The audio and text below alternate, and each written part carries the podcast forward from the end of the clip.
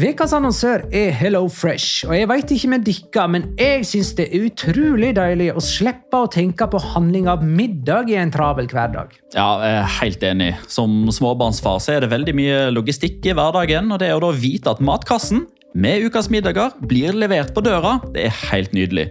Da slipper du impulskjøp på butikken når blodsukkeret er lavt, og når du kommer hjem, kan du bare ta ut posen med dagens ingredienser fra kjøleskapet og sette i gang matlaginga.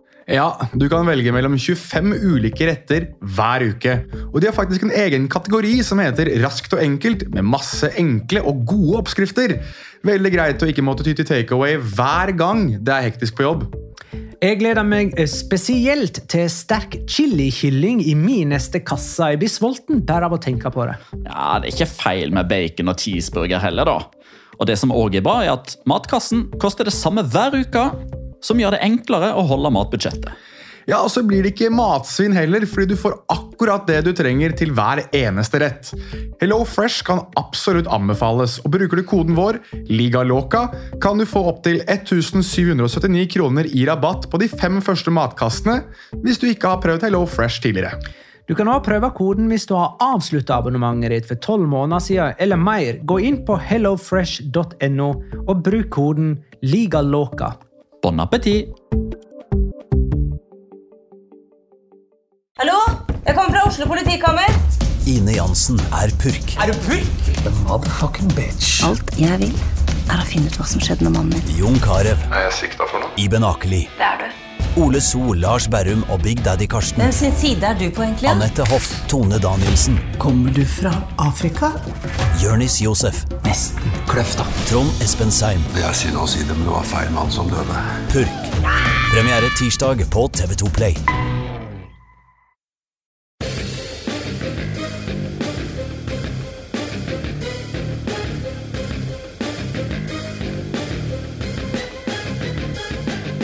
Har du sett? Som om det ikke var nok med virus, må vi plutselig forholde oss til snø òg nå.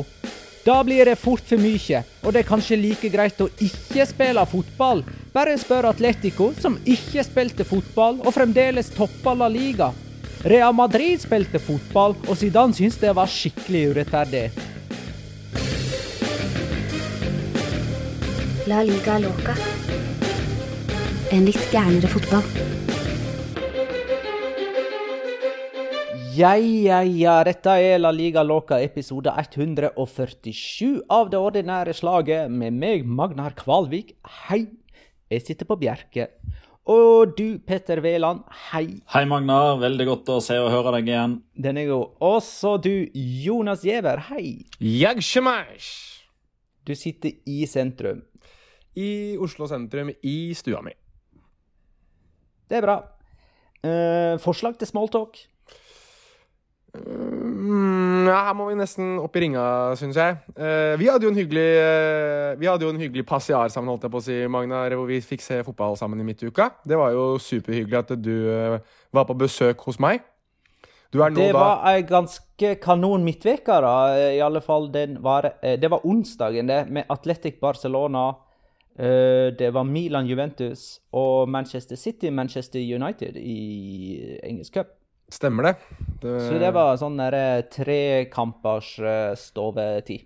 Så du synes, Nå har du sett eh, En del har jo fått oppleve at jeg har kjører treskjermer eh, rimelig ofte. Eh, så nå har jo du sett nøyaktig hvordan setupen min er. I tillegg til at du har blitt servert vin av meg. Så nå eh, oppvartning og det som er etter at koronaen er over, og det er lov å ha flere enn to til sammen hjemme hos seg i løpet av de neste ukene her nå, eh, så kan jeg varte opp eh, enda flere med akkurat lik stemning. Eh, alle som inviterer meg hjem, vet at de må ha i alle fall ett glass vin å by på. Eh, Men fikk du og ingenting å spise, Magnar? Jeg tok ikke med meg noe å ete, nei. Ja, men fikk du ingenting? Jeg hadde ingenting! All right. Nei, men det var en bra smalltalk, det. En av våre beste smalltalker i Og da kan vi eh, ta for oss eh, runde 18 av La Liga, kamp eh, for kamp. Den starta med Celta Vigo Villarreal 0-4. Celta Vigo var formlaget i La Liga, men så ble Diago Aspas skada, og dermed har de nå tre strake tap, inkludert 5-2 mot Ibiza fra Segunda B i Copa del Rey. De har ni baklengs mot Ibiza og Villarreal på de siste to kampene sine. Moro for Celta Vigo at en skada Iago Aspas kunne ta imot trofeet for månedens spiller i desember rett før avspark, bare sånn for å gni inn hva uh, avgjørende han er for laget. Vi kan snakke mer om Villarreal etterpå. Sevilla, Real Sociedad 3-2. Josef Nesiri med sitt første hat trick i Primera Divisjon. Han er den andre La Liga-spilleren som skåra hat trick under pandemien, og den første som ikke trenger tre straffespark på å gjøre det. Her sto det for øvrig 2-2 etter 13 minutter, inkludert årets sjølmål av Diego Carlos. Eh, Real Sociedad har én seier på sine siste ni seriekamper, og nå er de altså ikke på tredjeplass lenger. De er utenfor topp fire. Deres sesong er nå halvspilt. De har spilt 19 seriekamper på 18 serierunder. Er det noe jeg har lyst til å tilføye her? Vi skal snakke om Sevilla etterpå. Um, hvis vi skal snakke om Sevilla, så har jeg ikke så veldig mye mer å si. Nei. Atletico Athletic Klubb er utsatt pga. snøstorm i Spania, spesielt i og rundt Madrid.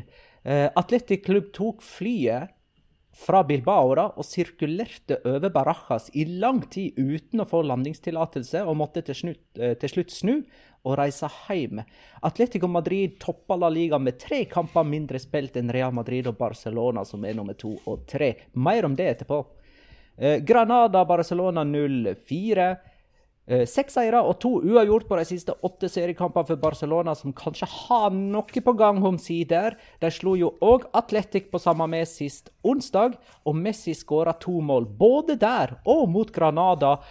Og nå er han altså toppskårer i La Liga med elleve mål. Det tok Hvor mange kamper har Barcelona spilt? Er det 18? Ja, de 18 I så fall så tok det Messi 18 kamper og endelig bli toppskårer i La Liga. Og den statusen kommer han ikke til å gi fra seg, tipper jeg. Han skåra til og med på frispark nå mot Granada, så nå er han endelig seg sjøl lik. Osasona Real Madrid 0-0. Real Madrid har som Barcelona seks seire og to uavgjort på de siste åtte seriekampene. De to uavgjortene har kommet mot Osasona og Elche, som er to av de tre nederste på tabellen. Det blir mer om dem etterpå òg. Levante Eibar 2-1. Eibar er faktisk det eneste laget som har skåra i alle bortekampene sine. Likevel har de bare vunnet tre av de ni. Inui sendte de i ledelsen. Melero og Morales snudde for Levante, som er oppe på en finfin tiendeplass. Cádiz Alaves 3-1. Cádiz er nummer ni og har tatt 23 poeng. Det er tre poeng mer enn de tok sist gang de var i premiera. De rykka ned med bare 20 poeng i 2006. Valladolid Valencia 0-1. Uh, Valencia hadde åtte strake kamper uten seier, tradisjonen tru, før de endelig vant her. Carlos Soler ble matchvinner uten å få tildelt straffe. Han har skåra seks mål og er den midtbanespilleren i La Liga med flest skåringer. Mm, for de fem foregående, det var straffemål, sant? Ja. Her kan vel strengt tatt si at han ble tildelt denne skåringa òg, selv om det ikke var et tildelt straffespark. Ja, uh, en keepertabbe, vil jeg kalle det. Ja. Sku bra skudd for all del, fra distanse, men det var midt i mål. Ja, litt flaks med Valencia får lov til å ha også, altså, vær så snill. Ja. Uh, Roar med skarre R skriver Carlos Soler holder nå Valencia over streken, så det eneste logiske er vel at Valencia selger han i dette vinduet. Uh, Hvilke klubber er han aktuell for, Jonas? Uh, strengt tatt de som har ja, kan skrape sammen litt lommerusk eller noe sånt, regner jeg med. Har vel muligheten til å kjøpe han, så skal vi si at han spiller for Hødd eller noe når sesongen sparkes i gang i Norge.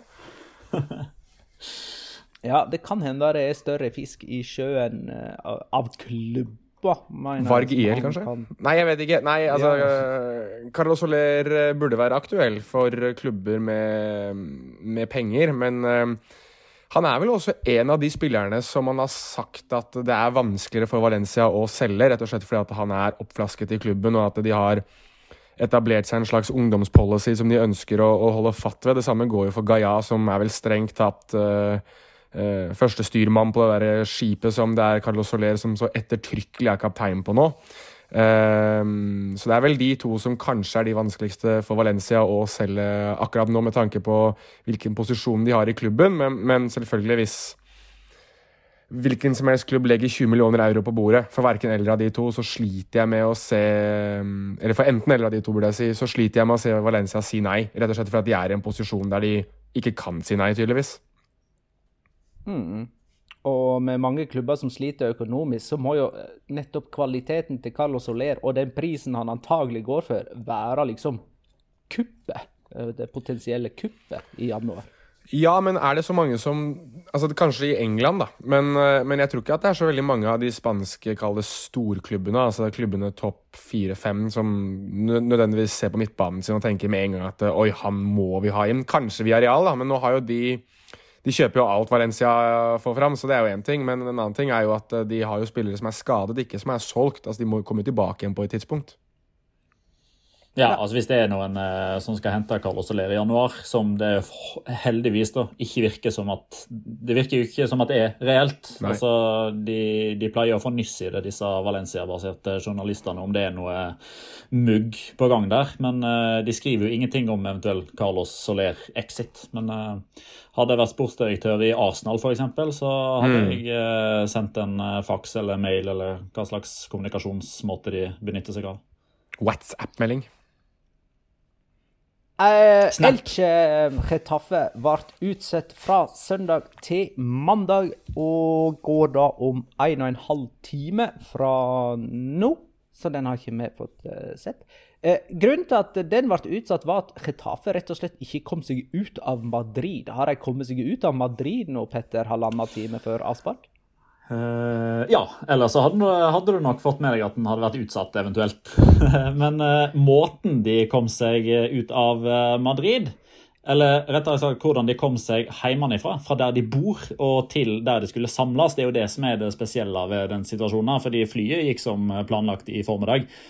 Men eh, det som eh, er storyen her, er jo at uh, Retafe-spillerne skulle jo For det første så skulle de jo ha trent både fredag og lørdag. Det fikk de jo ikke gjort.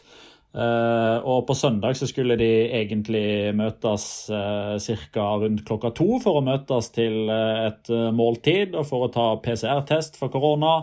Eh, og være samla på et eh, hotell som de alltid er samla på, før de drar til eh, den byen de skal spille fotball i. Men pga. dette snøværet, det verste snøværet i Madrid på 50 år, sies det, så var det mange spillere som rett og slett ble sittende snøfast. De hadde enten ikke bil eller skodd nok bil. Så de ga rett og slett beskjed til La Liga om at denne kampen her må dere utsette, fordi vi kommer oss ikke av flekken. Vi klarer ikke å komme oss til Alicante. Eh, Det var ikke La Liga spesielt interessert i å gjøre, fordi som liga så vil de jo ikke ha utsatte kamper. Det er jo et, eh, et problem, eh, og det har de hatt nok av foreløpig.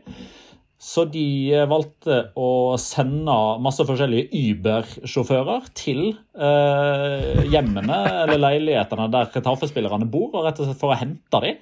Eh, og etter at det hadde skjedd, så trodde man liksom at eh, ok, greit, men da, da ordner det seg.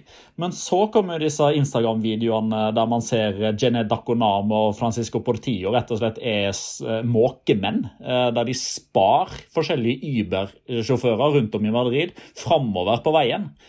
Uh, og sånne type bilder har man jo sett eh, av Segunda-lag òg, med busser som har blitt stående på motorveien, og at det har vært fullstendig kaos. Men det blir kamp.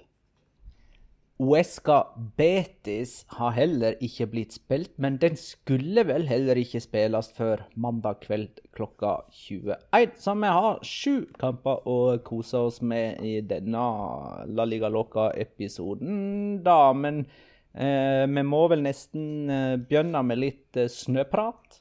Eh, Petter var jo inne på det. Snøstormen heter Filomena og skal altså være den verste snøstormen i Spania på 50 år. De driver og snakker om eh, et eller annet som skjedde i 1971, som kan måle seg med det som skjer nå.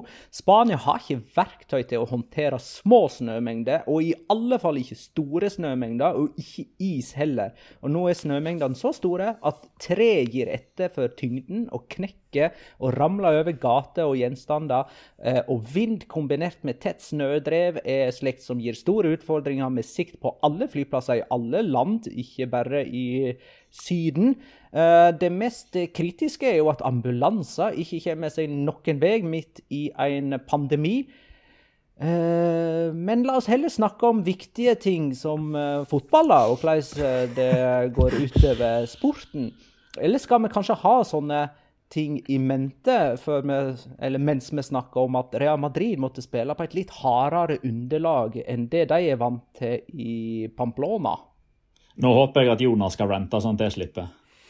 Uh, nei, jeg skal la deg få rante. Det eneste jeg skal si om dette, er at jeg bodde jo tre år i England, uh, i Huddersfield, som er ganske nord i England. Og jeg kjenner meg veldig igjen i, uh, i det her. I det at så fort det faller litt snø, så var jo engelskmennene i fullstendig harnisk. nå vil jeg jo si at det er litt mer snø enn bare lite grann de opplever i, i Spania. Jeg har sett videoer av folk som eh, stå på ski bak biler som kjører og sånn i gatene i Madrid, som jeg selv har gått i sammen med i hvert fall med deg, Petter, eh, som jeg syns er ganske festlig å se. Samtidig så er jo det oppstyret her er jo på en måte veldig sånn eh, typisk Spania, i det at de lager et helvete og et drama ut av ting som de egentlig kan løse hvis de gidder. Uh, og det andre er jo litt det at det er ganske surrealistisk å se at det er mer snø i den spanske hovedstaden enn i den norske hovedstaden i januar. Um, så det er de to tingene jeg sitter igjen med. Og så skal du få lov til å rante, Petter, på hva du egentlig synes om dette, for jeg vet at du brenner inne med et hav av tanker. Jeg er ikke nødvendigvis veldig mange tanker, men det er én konkret tanke, og det er for en jævla sutring av Zidane. Det er vel strengt tatt det. Ok, greit. Banen var litt isete. Og så det er litt rart. Men skal vi, skal vi ta det der steg for steg? Eh, ja, Real Madrid skulle jo til Pamplona og spille eh, lørdag kveld, og så skulle de reise fredag. Og ble da sittende i flyet eh, på fredagskvelden på Barajas uten å få tillatelse til å lette. Så de satt vel der i noen timer eh, i flyet. Kom seg omsider av gårde og landa i Pamplona kvart over elleve på kvelden. Som jo Det er jo ikke seint for en spanjol, er det vel? Men uansett, da. Eh, så var det varsla snøstorm, eller snø, i Pamplona fra lørdag klokka fem og utover. Eh, og Real Madrid ønsket å spille da kampen klokka tolv, før det ble eh, mye snø i Pamplona. Og så ble altså kampen spilt klokka ni som oppsatt. Eh, med litt snø og litt is her og der på banen. Kampen var ganske begredelig og enda 0-0. Og siden han var ganske sur etterpå uh, for dette her. Og så kan vi ta diskusjonen derfra. Hadde han rett til å være sur, Petter? Han er, mener jo åpenbart ikke det. Uh, altså, hvis man ser på sluttresultatet, at det endte 0-0 så er jo Zidane i utgangspunktet litt irritert når han kommer til dette postmatch-intervjuet. Eh, etter å ha eh, tilbrakt litt for mange timer i et fly eh, og kommet litt for seint fram til dit man skulle, Uh, og i tillegg vært litt sånn uh, usikker på om han i det hele tatt fikk lov til å reise til Pamplona fordi han ble definert som en nærkontakt av en covid-19-smitta person. Så det har nok bygd seg opp litt, grann, dette her, men allikevel så syns jeg han kommer fryktelig dårlig ut av det når han sier ja, det ble 0-0, men denne kampen burde aldri blitt spilt. Jeg tror ikke Zinedine Zidane hadde stått der og sagt ja, vi vant 2-0, men denne kampen skulle ikke blitt spilt. Det hadde han ikke sagt. Glem det. Den kampen der endte ikke 0-0 fordi det var litt is på banen. For det var ikke sånn at Real Madrid spilte i 90 minutter mot den banehalvdelen som det var mest is på. Dette var likt for begge lag.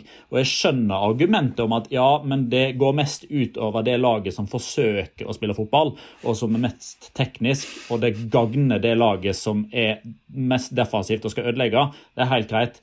Men vet du hva? De, de, har spilt i regn, de har spilt i snø, de har spilt på baner som er verre enn dette her. Men da har de vunnet, og da har ikke de sagt noe. Så Dette er sånn piss som kommer fordi de er misfornøyde med resultatet. Så skal de finne et eller annet å skylde på.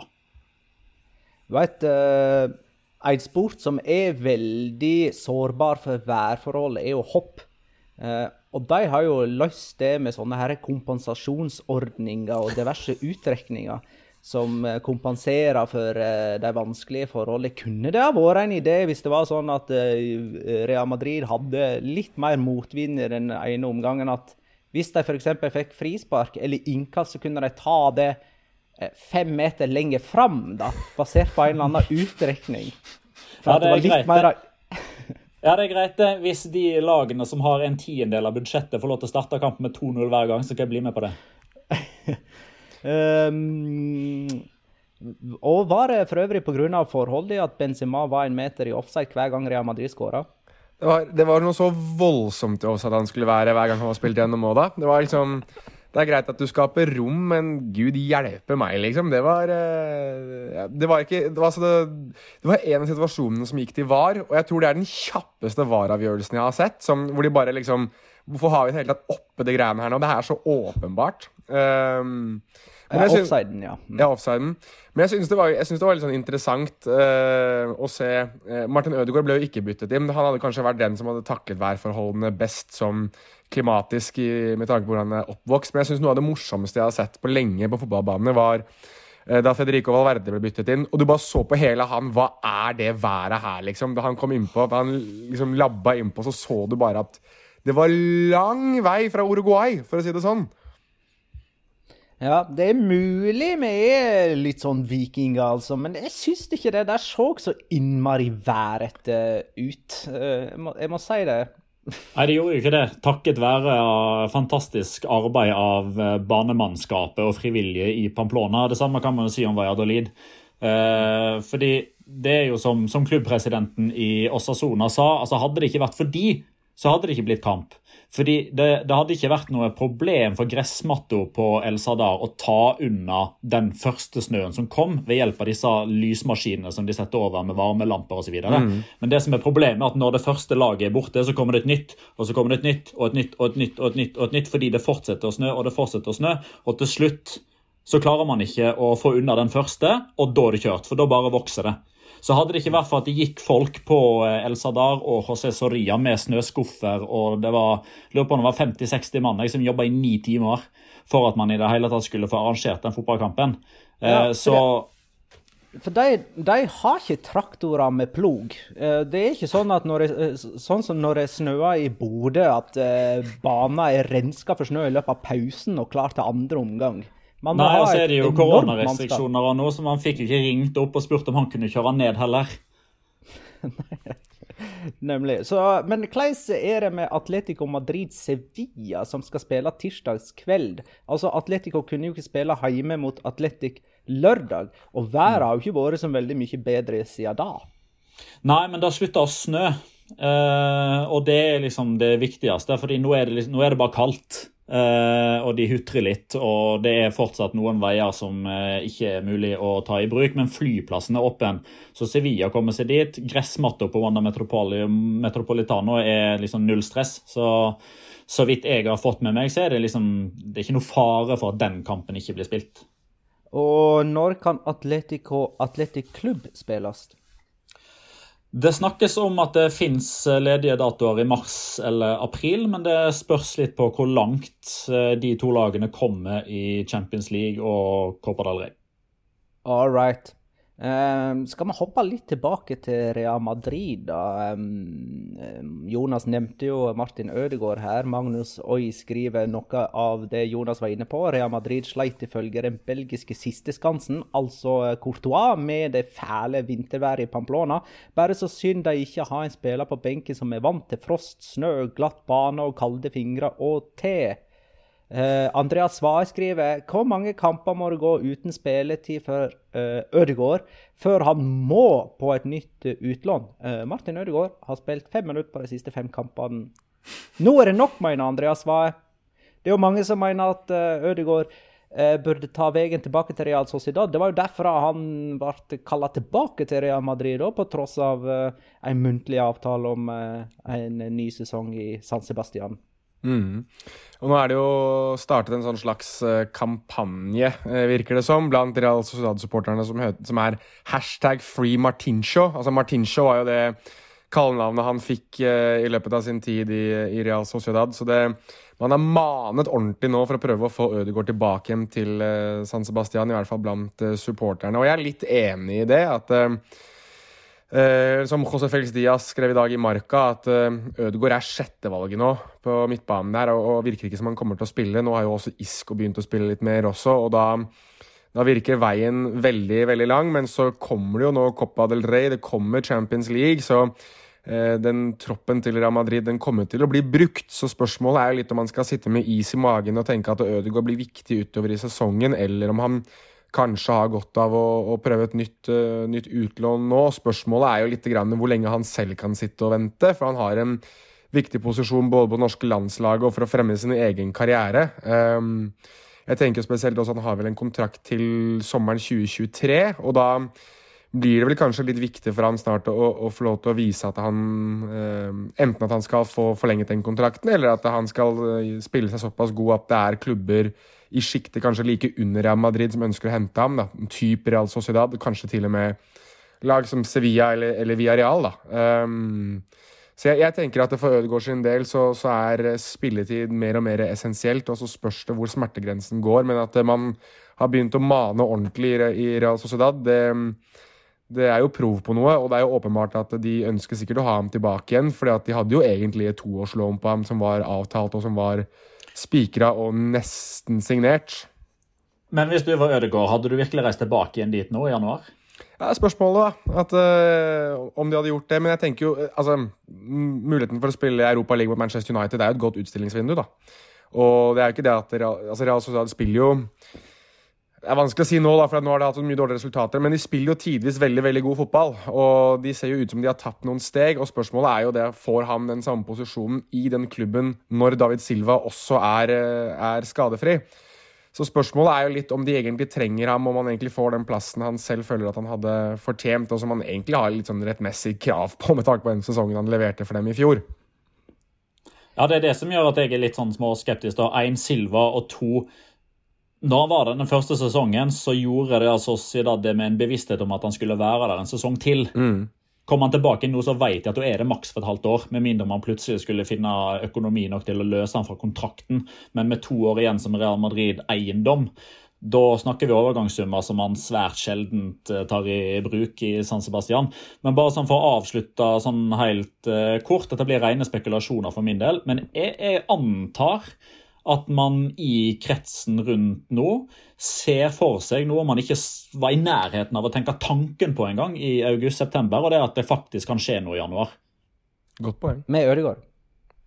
Ja. Jeg veit ingenting om det, Nei. men det ville vært rart om man nå, i en periode Man har tre uker på seg i så fall, til å eventuelt finne en løsning hvis man ser at den blindgata som man åpenbart er inne i nå, den finner vi ikke veien ut av da, da, er det fem lange måneder før EM i 2021, altså. Ja. Han har havna litt i periferien nå i Real Madrid, men så skal det, de skal jo spille supercup òg nå denne veka. Og jeg mener, hvis det skulle være en anledning for Zinedine Zidane å holde de andre spillerne litt varme, eh, så burde vel det være det. Ja. Men det er jo et trofé. Ja, det er nettopp det. Jeg skal akkurat til å si det at det ligger litt prestisje den tid Real Madrid ikke kommer til å vinne ligaen. Og jeg tror ikke de vinner Champions League heller. OK, de vinner ikke ligaen, kanskje fordi at Atletico Madrid gjør det, ifølge Jonas. Vi, vi lurte jo litt på her nå når de skal få spilt kampen mot Atletic Klubb. Kanskje de ikke trenger å spille den, egentlig? Trenger de å spille 38 kamper for å vinne La Liga denne sesongen, når de leder toppa tabellen med tre kamper mindre spilt enn sine motstandere?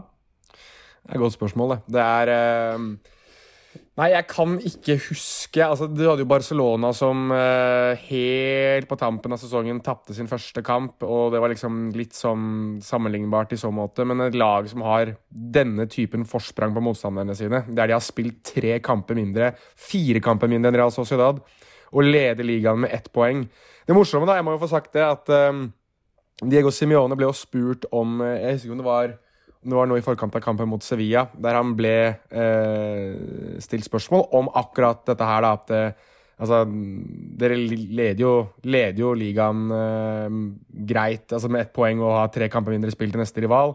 Altså, Hva tenker han om det? Og da eh, så bare Simione litt sånn tomt inn i kamera, og så svarte han bare 'Sevilla', og så reiste han seg opp og gikk. Fordi Sevilla har jo da én kamp eh, mindre spilt, og eh, er motstanderen de skal møte, åpenbart, men er eh, Jeg husker ikke helt hvordan det er, men de er vel Ja, de er åtte poeng bak, eh, med én kamp mer spilt. Eh, så det er jo åpenbart at den her Partido a Partido-greiene som Simione innførte i 2013-2014-sesongen, er tilbake og tilbake på anabole steroider. Petter? Ja, skulle jeg fortsette, eller hadde du et spørsmål? Nei, Du så litt spørrende ut. Ja, jeg, jeg hadde egentlig et spørsmål. Trenger jeg å spille 38 kamper for å vinne La Liga? Men det- det var jo kanskje egentlig bare et tullete spørsmål. Det de, det de, det, det de ser ut til å gjøre, er å hente Moussa Dembélé eh, fra Lyon. Så Sven spør eh, blir han en flopp eller en suksess. Sammenlignet med Real, eh, Raúl de Tomàs blir han en flopp, naturligvis, men sånn utover det Ja, for Raúl de Tomas hadde jo skåret hat trick i hver kamp. Det var jo opplest og vedtatt av, uh, av Sven. Ja, primært Sven. Jeg hadde han på to mål i snitt per kamp. Ah, ok, ja. Eh, Moussa Dembélé veldig spennende, og nok blant det definitivt eh, toppsjiktet av hva som er mulig å få tak i i januar 2021.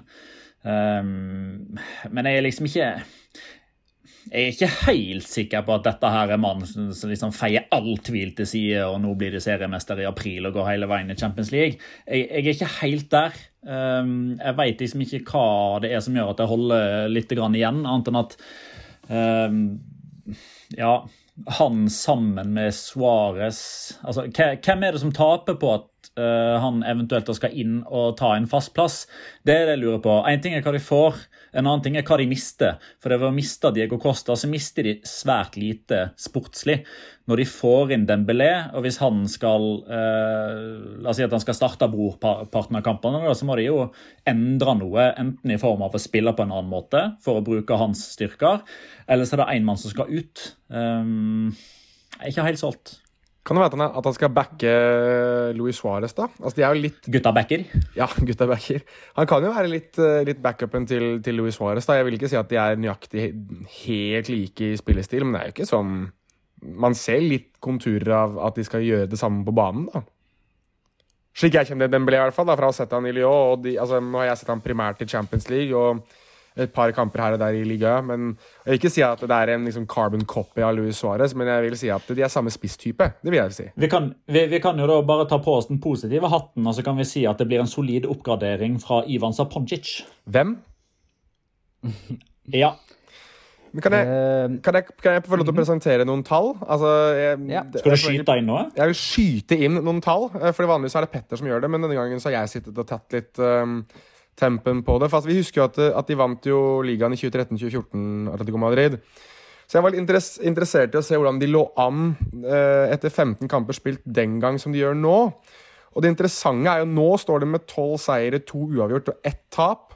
Den gang, i 2013-2014, så hadde de 13 seire, ett tap og én uavgjort. Altså, De er, var altså bedre i 2013-2014 enn de er nå, sånn rent tallmessig. Den gangen så lå de jo da også bak Barcelona på tabellen med, eh, med færre mål skåret, altså med, med dårligere målforskjell. Da hadde de 40 skårede mål, hadde 9 innslupne. Nå har de 29 skårede mål og 6 innslupne. Altså det er ikke så stor forskjell på hvor mange de, de slipper inn, men det er ganske markant forskjell på hvor mange mål de skårer. Um, altså de har altså da to poeng mindre nå enn da de vant ligaen. Um, og det er, det er ganske spinnvilt da å tenke at Barcelona har seks poeng mindre enn Atletico Madrid, og de har tre kamper mer spilt. Altså det er, det er um, Og spørsmålet da er vel litt det vi har vært inne på før. sånn, Er ligaen blitt dårligere? Har lagene blitt jevnere? Og én ting som utkrystalliserer seg for min del da, er jo det at eh, Nytt år, samme Atletico Madrid. Uansett hva. De ligger liksom i en sånn grei steam. Eh, mens lagene både foran og bak dem i løpet av de årene da enten blir, blir bedre og verre, og nå er alle sammen markant dårligere enn dem. Mm. De, to- de lå altså bak Barcelona på den tiden, Mm. eh, etter 15 seriekamper i 13-14. Men eh, var ikke det en, eh, ei tid der det var sterkere for noen som helst andre lag å vinne La Liga enn det det er nå. Altså, jeg mener, den tiden eh, der, det var jo da Barcelona og Real Madrid var umenneskelig gode. Man kunne, man, det er mulig folk på en måte ser på, på, den tiden der som den normale La Liga, men det var jo abnormt det Real Madrid og Barcelona presterte på den tiden der. Og det gjaldt nå ikke bare i Spania, men òg i Europa. Ja, ja, absolutt. Altså, da det skjedde, og egentlig helt siden, eh, så har jeg eh, i forskjellige anledninger, både jeg, i podkaster og på TV, men òg i sånn private sammenhenger der jeg snakker med venner og bekjente osv., prøvd å sette litt sånn i lys hvor sterk den prestasjonen var, faktisk. Mm. For det klarer man ikke helt å gjøre nå, fordi nå har jo Atletico Madrid blitt så store som vi kjenner de som nå. men i 2013-2014, da var de jo fortsatt i byggestadiet. Da var de jo fortsatt en, en underdog. Og det å, å, kunne slå Barcelona sånn isolert sett, er jo en helt enorm prestasjon. Og det å slå Real Madrid isolert sett er en helt enorm prestasjon. Det å slå begge to, det er en sånn type prestasjon som jeg nå nå òg i jeg håper si, eh, sju år etter, mener at det, det, det, er, helt der oppe i form av overraskelse og hvor imponerende det er. Det er helt der oppe med Leicester. Det er helt der oppe med Montpellier. Det er helt der oppe med Wolfsburg, når disse andre lagene vant uh, Premier League-liga og uh, Bundesliga. Kan man kanskje si uh, Ja, jo, men Altså typ, hvis du sam... Ja, eh, de er i, i den rekka der, mm. det, det, kan du godt si. Men det som for min del da gjør at jeg Jeg vet ikke om jeg setter Atletico Madrid høyest, men i alle fall det som hadde vært argumentet for å sette den prestasjonen høyest, er rett og slett pga. at vanskelighetsgraden i det de gjorde, var så vanvittig vanskelig. Altså, ja, Bodø-Glimt, hyll de herfra til månen kjempeoverraskelse at de vant, men de ble nummer to året før. og ja, Hvor vanskelig ja, ja, er det å gå mm. forbi Rosenborg i den forfatningen som de har vært i år, og Molde ikke på sitt beste osv. Dette var de to av de tre største klubbene i verden var inne i sin desidert beste periode i klubbhistorien. Og Atletico Madrid mm. tok de begge. Mm. Definitivt. Og så vil jeg bare få, bare få, skutt inn, for da må jeg få skutt inn noe.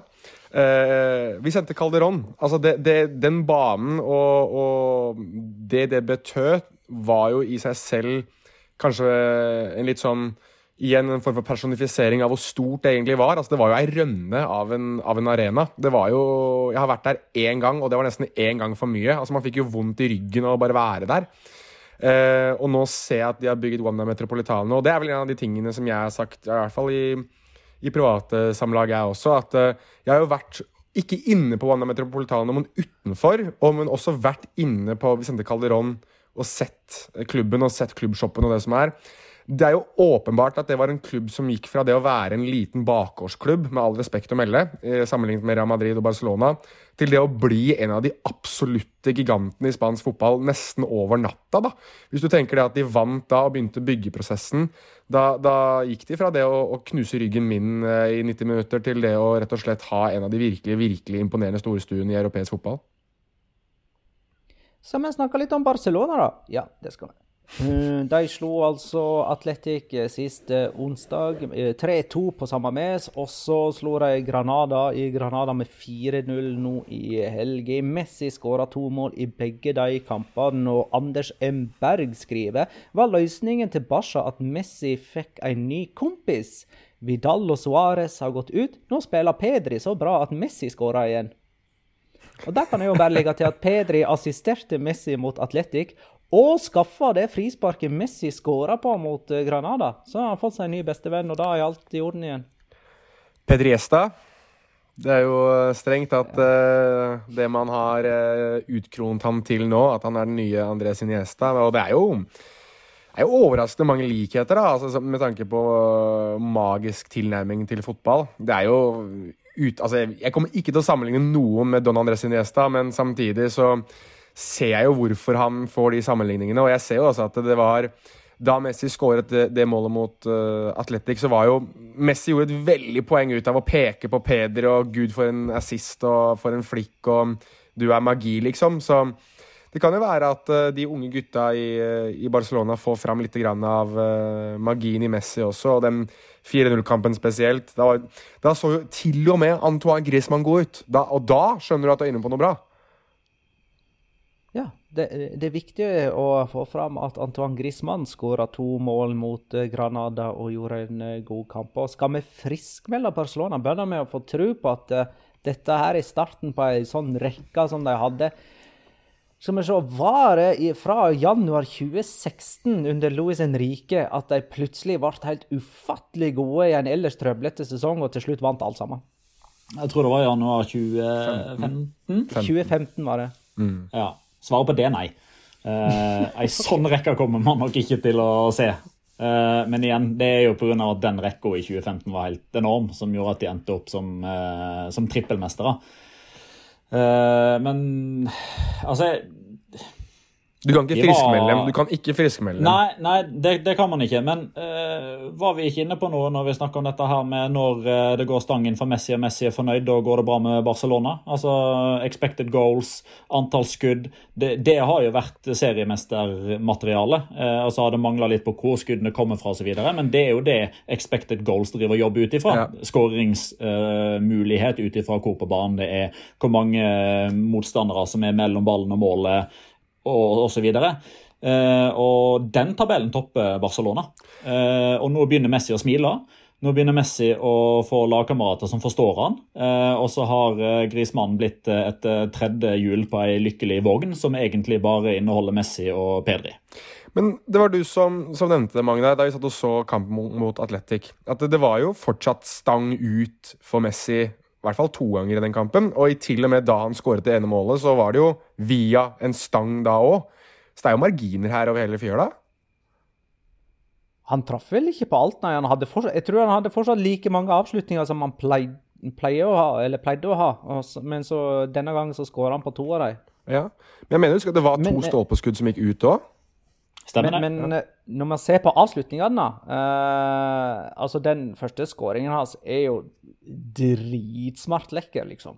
Jeg vet ikke om de husker det. det, er, altså, det er selvfølgelig Onay Simon står på halvdistanse og er i villrede, som han veldig ofte er etter at han har blitt tatt ut på landslaget til Spania. Men det er jo en smart avslutning, og litt sånn her det type klassisk Messi, spør du meg. Så jeg fikk nå litt følelsen av at han er tilbake der han skal være. Eller der han har pleid å være, kanskje. Skal vi ta det eh, obligatoriske Ricky Pudge-spørsmålet? Eh, For Simon Alvsaker lurer på hans situasjon med komaen og lite spilletid og alt det der. Det jeg lurer på, er om eh, ligger det an nå til, til et utlån for Ricky Pudge? For det var jo det det var snakk om i august, uten at det ble noe av. Men kan det skje nå, da? Gi meg bare gi meg bare et par minutter, Magnar. Jeg skal bare gå bort og poppe meg noe popkorn og bare la Petter, bare wine Petter opp, så han skal få lov til å snakke. Ja. Jeg skal bare ta oppvasken, jeg. Men, Snakkes. eh, ordet er ditt, uh, Petter. Ja. Uh, nei, det blir ikke utlån. Ah, der er jeg ferdig med oppvasken, og vi kan gå videre i episoden. Det er på tide å ta en liten oh. halvårsoppsummering for Onay Emeri i Villarreal, spør du meg. Ja. Eh, for det Villarreal driver med, er ikke så verst, skjønner du. Eh, de er nummer fire da, på tabellen. De slo altså Celta Vigo 4-0 på Balaidos. Eh, og har aldri vunnet en bortekamp med mer enn fire mål, så dette er en sånn tangering av klubbrekord. Eh, det var Gerard Moreno, Moi Gomez, Dani Parejo og Ferninho sørga dessuten for tidenes raskeste kvadruppel i Primera for Villarreal. De leda altså 4-0 etter 30 minutter og 9 sekunder i den kampen. Eh, og under Unai Emeri så har de to tap på sine 18 seriekamper. Eh, og det gjelder for så vidt alle kamper de har spilt. De har to tap på 26 offisielle kamper. Eh, det er bare Atletico som har færre nederlag enn Villarreal i La Liga. Og de to tapene kom jo borte mot Barcelona og Sevilla, og det er jo på en måte akseptable nederlag. Om enn litt typisk Emeri, da. Men du som er Villarreal-supporter, eh, Petter. eh, Du er vel rimelig fornøyd, eller? Ja, det, det glir uh, greit uh, for Villarreal. Det gjør det. Og Ja, Skal du slutte å være diplomatisk, eller? Du kan godt være litt mer glad i denne greiene her. Jo, men altså, jeg skal prøve å forklare hvorfor eh, jeg ikke i hermetegn tar av. Eh, For det første så er ikke jeg en sånn type Nei, det det fotballfan. Har du aldri vært. Det er sant. Eh, Det har jeg aldri vært, og det kommer jeg aldri til å bli. Det er sant. Eh, Men altså, jeg, jeg føler liksom når man eh, skal oppsummere Sevilla, Valencia, Atletic, Real Madrid, Barcelona, sånn som vi holder på nå, så er det liksom det er ting å ta tak i. Det er liksom ikke det på Villarreal. Det er bare Det er liksom alltid sånn jevnt over. Godt nok til at man ikke taper, og så vinner man eh, såpass med kamper pga. at man har ikke bare én mann som liksom er den som skal hylles. Det er liksom ikke sånn at uh, Gerard Moreno uh, skårer alle målene, eller Dani Parejo slår alle de målgivende pasningene, eller Ra- Pau Torres vinner alle duellene bak, eller Sergio Asenjo holder nullen annenhver kamp. Det er bare så jevnt over solid. Det er så mange som bidrar, som gjør at man ikke helt kan plukke ut årsaker til at det er sånn. Skjønner dere hvor jeg vil hen? Ja, jeg ser hva du mener. Men eh, trekk fram Ferninho. Altså, det er jo en spiller som får blomstra litt under eh, Emery. Ja, da eh, kan vi jo gå sånn halvveis inn på et eh, fast segment, da, som kanskje heter rundens spiller, for at vi ikke skal gjenta oss. Oh, For ja. Han er jo en toppkandidat der. En sånn Ja, topp da tre-kandidat. Vil du heller ta det der, da? Jeg vil jo bare Jeg vil jeg vil i alle fall legge til at eh, Emery er vel den Hva skal man si Den, den som har tatt flest poeng med Via Real etter 18 serierunder som debuttrener. da. Altså, Det er jo ingen som har starta bedre i sin første sesong som Via Real-trener enn Emery, eh, ut ifra poeng de har tatt etter 18 serierunder. Ja, og så husker jeg jo at når vi satte opp tabelltips og vi hadde preview og vi snakka om Villarreal, så snakka vi om de som en sånn potensiell uh, vinner av overgangsvinduet. og vi snakka om Emery som kom fra PSG, som har trent Arsenal, som har trent Valencia, Sevilla, som er mye større klubber enn Villarreal. Så for den gule ubåten sin del så var det en kjempesignering til tross for alle flukene som, som eh, Emery har opplevd i løpet av sin karriere. Men da trakk vi jo fram Takifusa Kobo, som kom til å være liksom en åpenbaring. Han har ikke bidratt noe som helst. Eh, vi, tra vi trakk fram eh, Francis Coquelin, som har vært skada mer enn han har vært frisk. Vi trakk fram Dani Parejo. Han har vært jevnt over solid, men han har skåra to mål og slått én målgivende pasning. Så han er liksom den skjulte hånda som, som, som styrer uten at man helt klarer å, å se det i jeg, de eh, veldig enkle statistikkene, som teller skåringer og, og målgiverne. Ehm, så liksom, til tross for det eh, Raúl Albiol og Pau Torres har spilt samtlige minutter denne sesongen. Eh, så det å være tredje, fjerde og femte valg Hei, Sofian Chakla og eh, Ramiro Fones Mori, det er ikke enkelt. Så en liten tanke til de, da. Virkelig. Går, eh, Ramiro Fonos Går Mori. signeringen, går signeringen av eh, Etienne Capoe inn i rekka av eh, gode signeringer som gjør eh, Villarreal til vinnere på overgangsmarkedet, eller? Altså, den, det vil jo komme et pluss der eh, uansett, nesten. fordi enten så spiller Etienne Capoe, og hvis han spiller, så er jo det antageligvis fordi han er god. Hvis han ikke spiller, så er jo det fordi Francis Coquelin har kommet tilbake igjen og blitt god. Så da er jo den minus blitt til pluss. Vinn-vinn.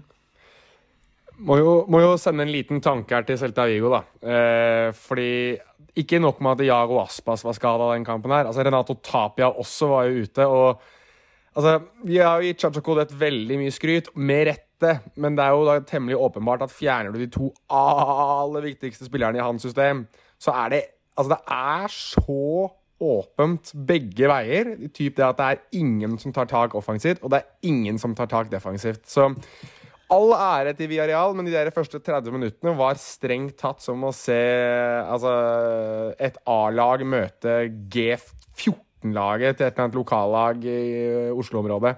Det, altså, det var så påpissing som jeg har sett i de første, første halvtimen der, tror jeg ikke jeg har sett på Nei, Kanskje siden, siden Tyskland lekte seg med Brasil. Da. Det, var, det var noe likt det, i, for de som husker det i VM-semifinalen i 2014. Vet dere hvor det- mange poeng Celta har tatt i løpet av de siste 20 seriekampene Aspas ikke har spilt? Og jeg hadde en statistikk på det, men jeg husker det ikke. Men uh, sikkert ikke veldig mange. Nei, så I løpet av 20 kamper da, så kan du ta 60. Ja, ja, åpenbart. Av de 60 så har Celta tatt 7. Der, ja. Der har du det. 7 av 60. Um, Sevilla slo eh, Real Sociedad med 3-2. Og var ikke det rett etter den kampen at det ble offen gjort offentlig at Lopetegia Lopetegi er forlenga til 2024? Det var iallfall etter kampen. Det var på kvelden da, ja. Ja. Eh, var, var de litt grepne av uh, øyeblikket? eller, eller, har, eller har han gjort seg fortjent? Er dere er like Vi overbevist som skåra tre mål! Ny kontrakt! oh. Ja, det er, er liksom Lopetegi og Sevilla hånd i hanske? Ja, det, det mener jeg at de er. Um, og det, det mener jeg at jeg sa også da han ble ansatt, at det, her, nå har man valgt riktig. Dette er riktig type klubb for ham kontra det Real Madrid eksempel var. da. Men, eh, men eh, ja, altså han har fått muligheten til å jobbe, muligheten til å bygge, muligheten til å få sitt stempel eh, på det laget. Jeg syns også det er uh, litt sånn uh, symptomatisk at man nå leser artikler om at Isco har lyst til å signere for Sevilla, fordi at det var Lopetegi som fikk mest ut av ham på det spanske landslaget, og den treneren som kanskje har fått mest ut av ham generelt. Eh, og det det som er veldig tydelig, og det som egentlig kom ganske eh, godt fram med Monchi da, i disse her masterclassene som han hadde mm, i starten av pandemien, er jo det at han lar treneren jobbe og lar treneren få lov til å sette sitt stempel på det laget. Og jeg tror ikke at jeg har sett noen, kanskje med unntak av um, ja, Sampaoli og, og Emeri, som har klart å sette sitt stempel så ettertrykkelig på Sevilla som det Lopetegi har gjort. da. Um, så jeg tror, eh, jeg tror at det er hånd i hanske, og jeg tror ikke at Lopetegi nødvendigvis tenker så veldig mye mer i det at han skal videre nå. Jeg tror han har funnet sin plass i, sin plass i det spanske fotballandslaget, og, eller fotballandskapet, burde jeg si. Og jeg kan forestille meg at han blir en Emeri-type i, i Sevilla. Uh, som forhåpentligvis da ikke går til Arsenal og PSG og det som måtte være. Eh, han gjort eh, Josef Enesiri god òg, eller? Erik Hammersmark spør eh, om det er verdens beste dårlige spiss. Det, ja, wow, det er, det er et godt spørsmål. Det er et veldig godt spørsmål fra, fra en hedersmann som er Erik Hammersmark. Hvem andre spisser er det som er eh, dårlige og, og gode nok til å komme inn på den lista der? Martin Braithwaite må vel være kanskje en. Så han er verdens nest beste dårlige spiss. For uh, jeg tror det var noen som hevda at Morata var en verdens dårligste gode spiss. Ja. Eller noe. Altså, Ja, ja jeg veit ikke helt. En Syria, altså en omvendt Morata. Den Ja, marokkanske det- det- Morata?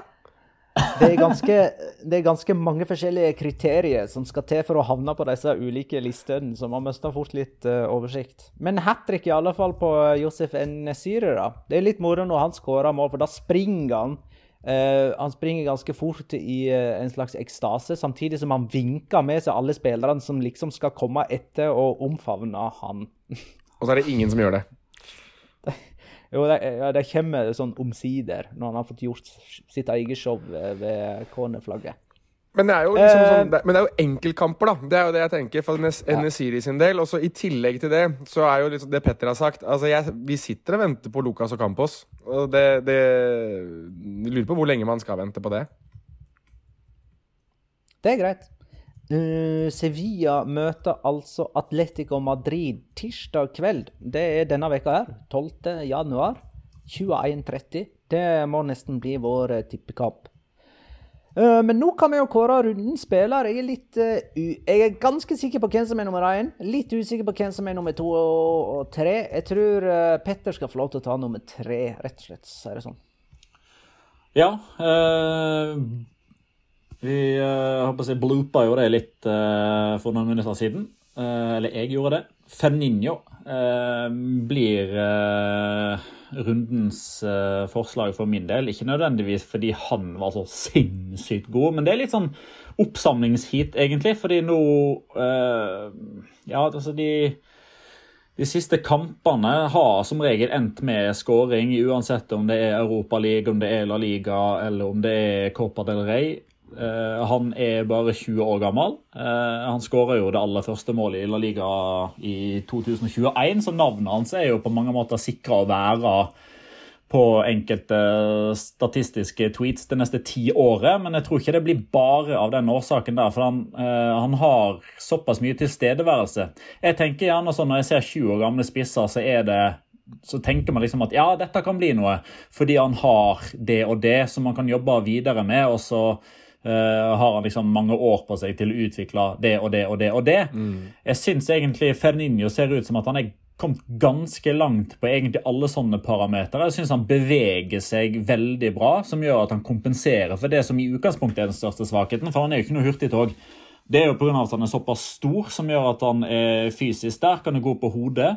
Eh, han skårer med begge bein. Jeg syns han er flink i det oppbyggende spillet. Eh, legger merke til at han veldig ofte er eh, Han har som regel koll på hvor lagkameratene er. Eh, og basert på Nå har vi jo ikke fått sett han spille så mye, da, så han har vi spilt en sånn 15, mellom 15 og 20 kamper for Viareal til sammen eh, denne sesongen og forrige. Men jeg har liksom fått et inntrykk av at han er en sånn type som som ikke skyter fra kanten av 16 i et håp om å bli eh, helt avgjørende sjøl. Altså, ser han at det kommer gode løp, så bruker han de. Og det er litt sånn Det er ikke ofte man ser det hos en 20 år gammel spiss. Det var nummer tre, da. Uh, ja. Jeg har vel nummer to, som er Antoine Griezmann. Uh, og jeg skal oppsummere det så kort som at han skåra 1-0, assisterte 2-0 og skåra 4-0 for Barcelona, og det er godt nok for meg. Jonas?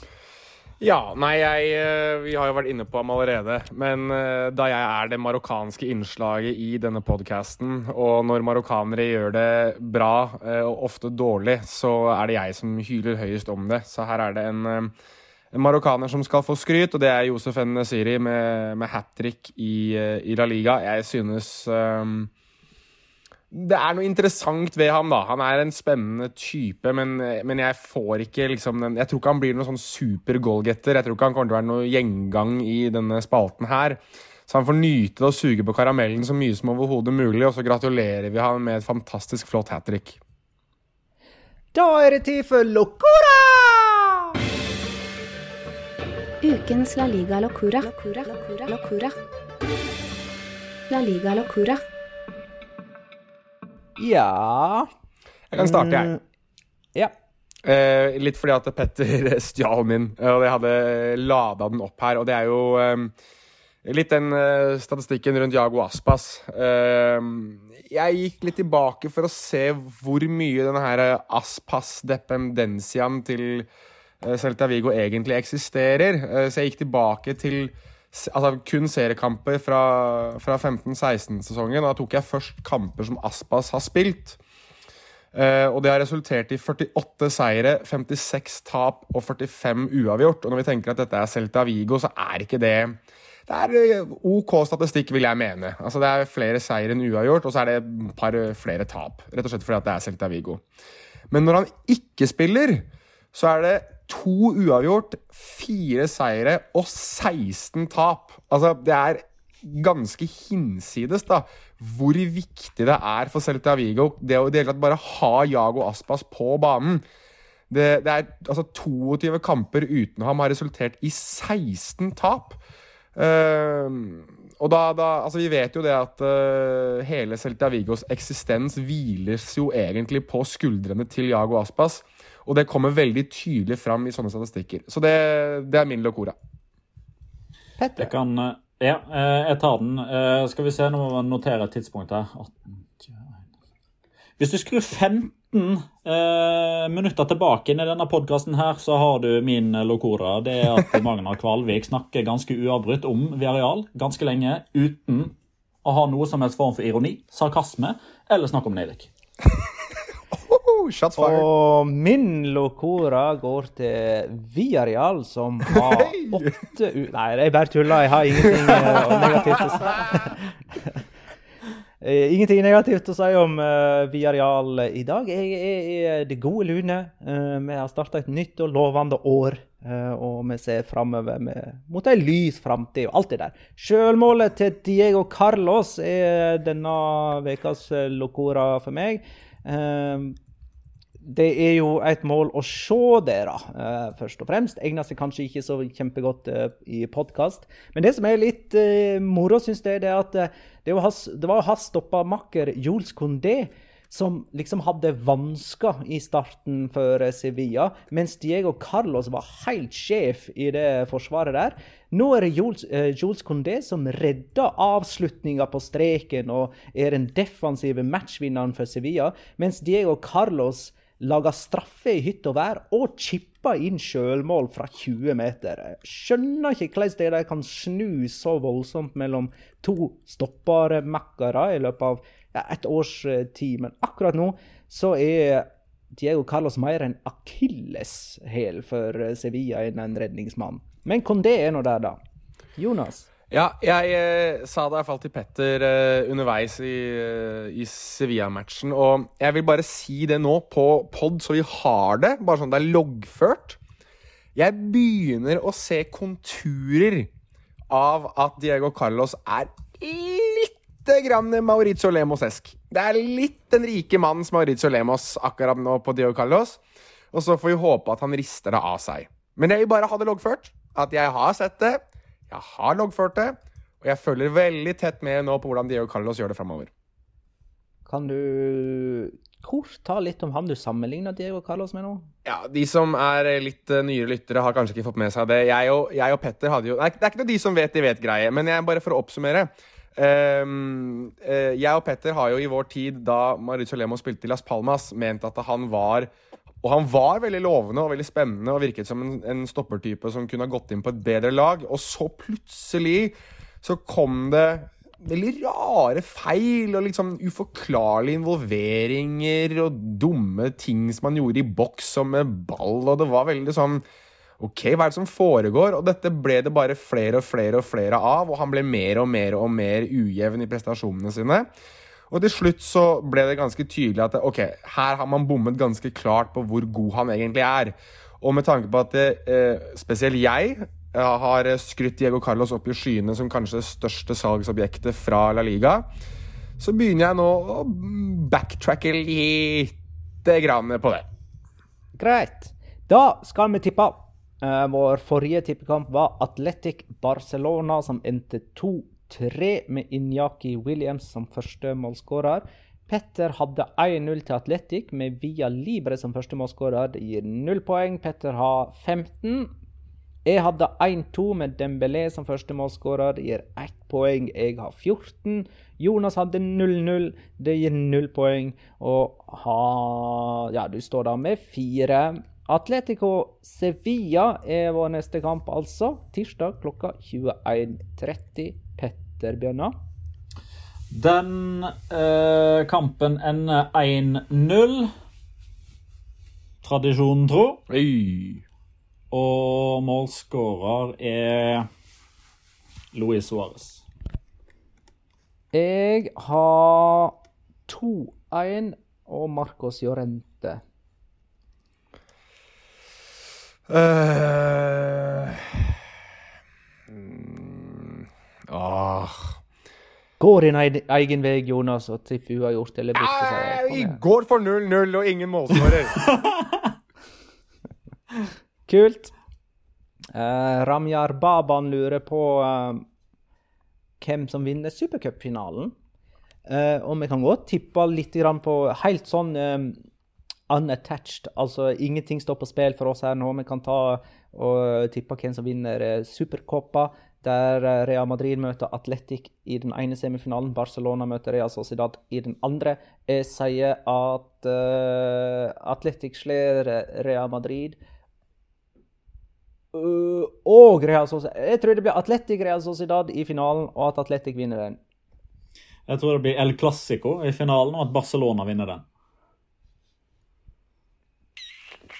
Jonas ja, Det står ingenting på spill ennå, bare skyt ut noe. Ja, jeg tror faktisk det samme som Petter. Uh, jeg tror det blir klassiko i finalen nå. Ja, Real Madrid vinner. Er, er det tilfell er det tilfeldig at Real Madrid og Barcelona spiller hver sin semifinale andre året på rad i denne cupen, der ting blir satt opp litt sånn som det passer? Nei! Det er Hæ? Jeg har bare holdt Nei! Det er det Ja, Jeg hørte det. Eh, altså tilfeldig. Altså det er jo cupvinner mot nummer to i La Liga. Og seriemester mot tapende finalist. Men tror du det Man veit ikke hvem som er tapende finalist og cupvinner. Så den eneste trekninga som fantes det, var hvem av Atletico de Sociedad som var i en egen pott fra cupen. Hvem skulle møte de andre. Var det Så sånn ja, det er tilfeldig. Var det sånn i fjor òg? Ja.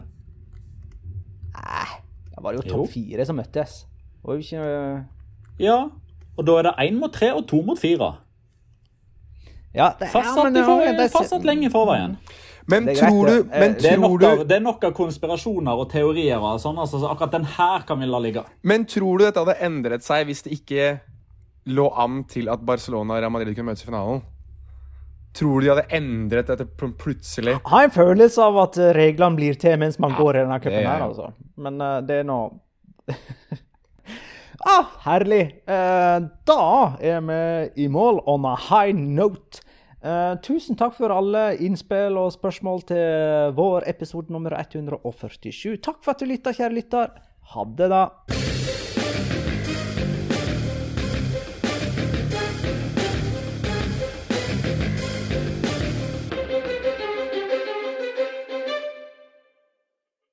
Har du et enkeltpersonforetak eller en liten bedrift? Da er du sikkert lei av å høre meg snakke om hvor enkelt det er med kvitteringer og bilag i fiken, så vi eh, gir oss her, vi. Fordi vi liker enkelt. Fiken superenkelt regnskap.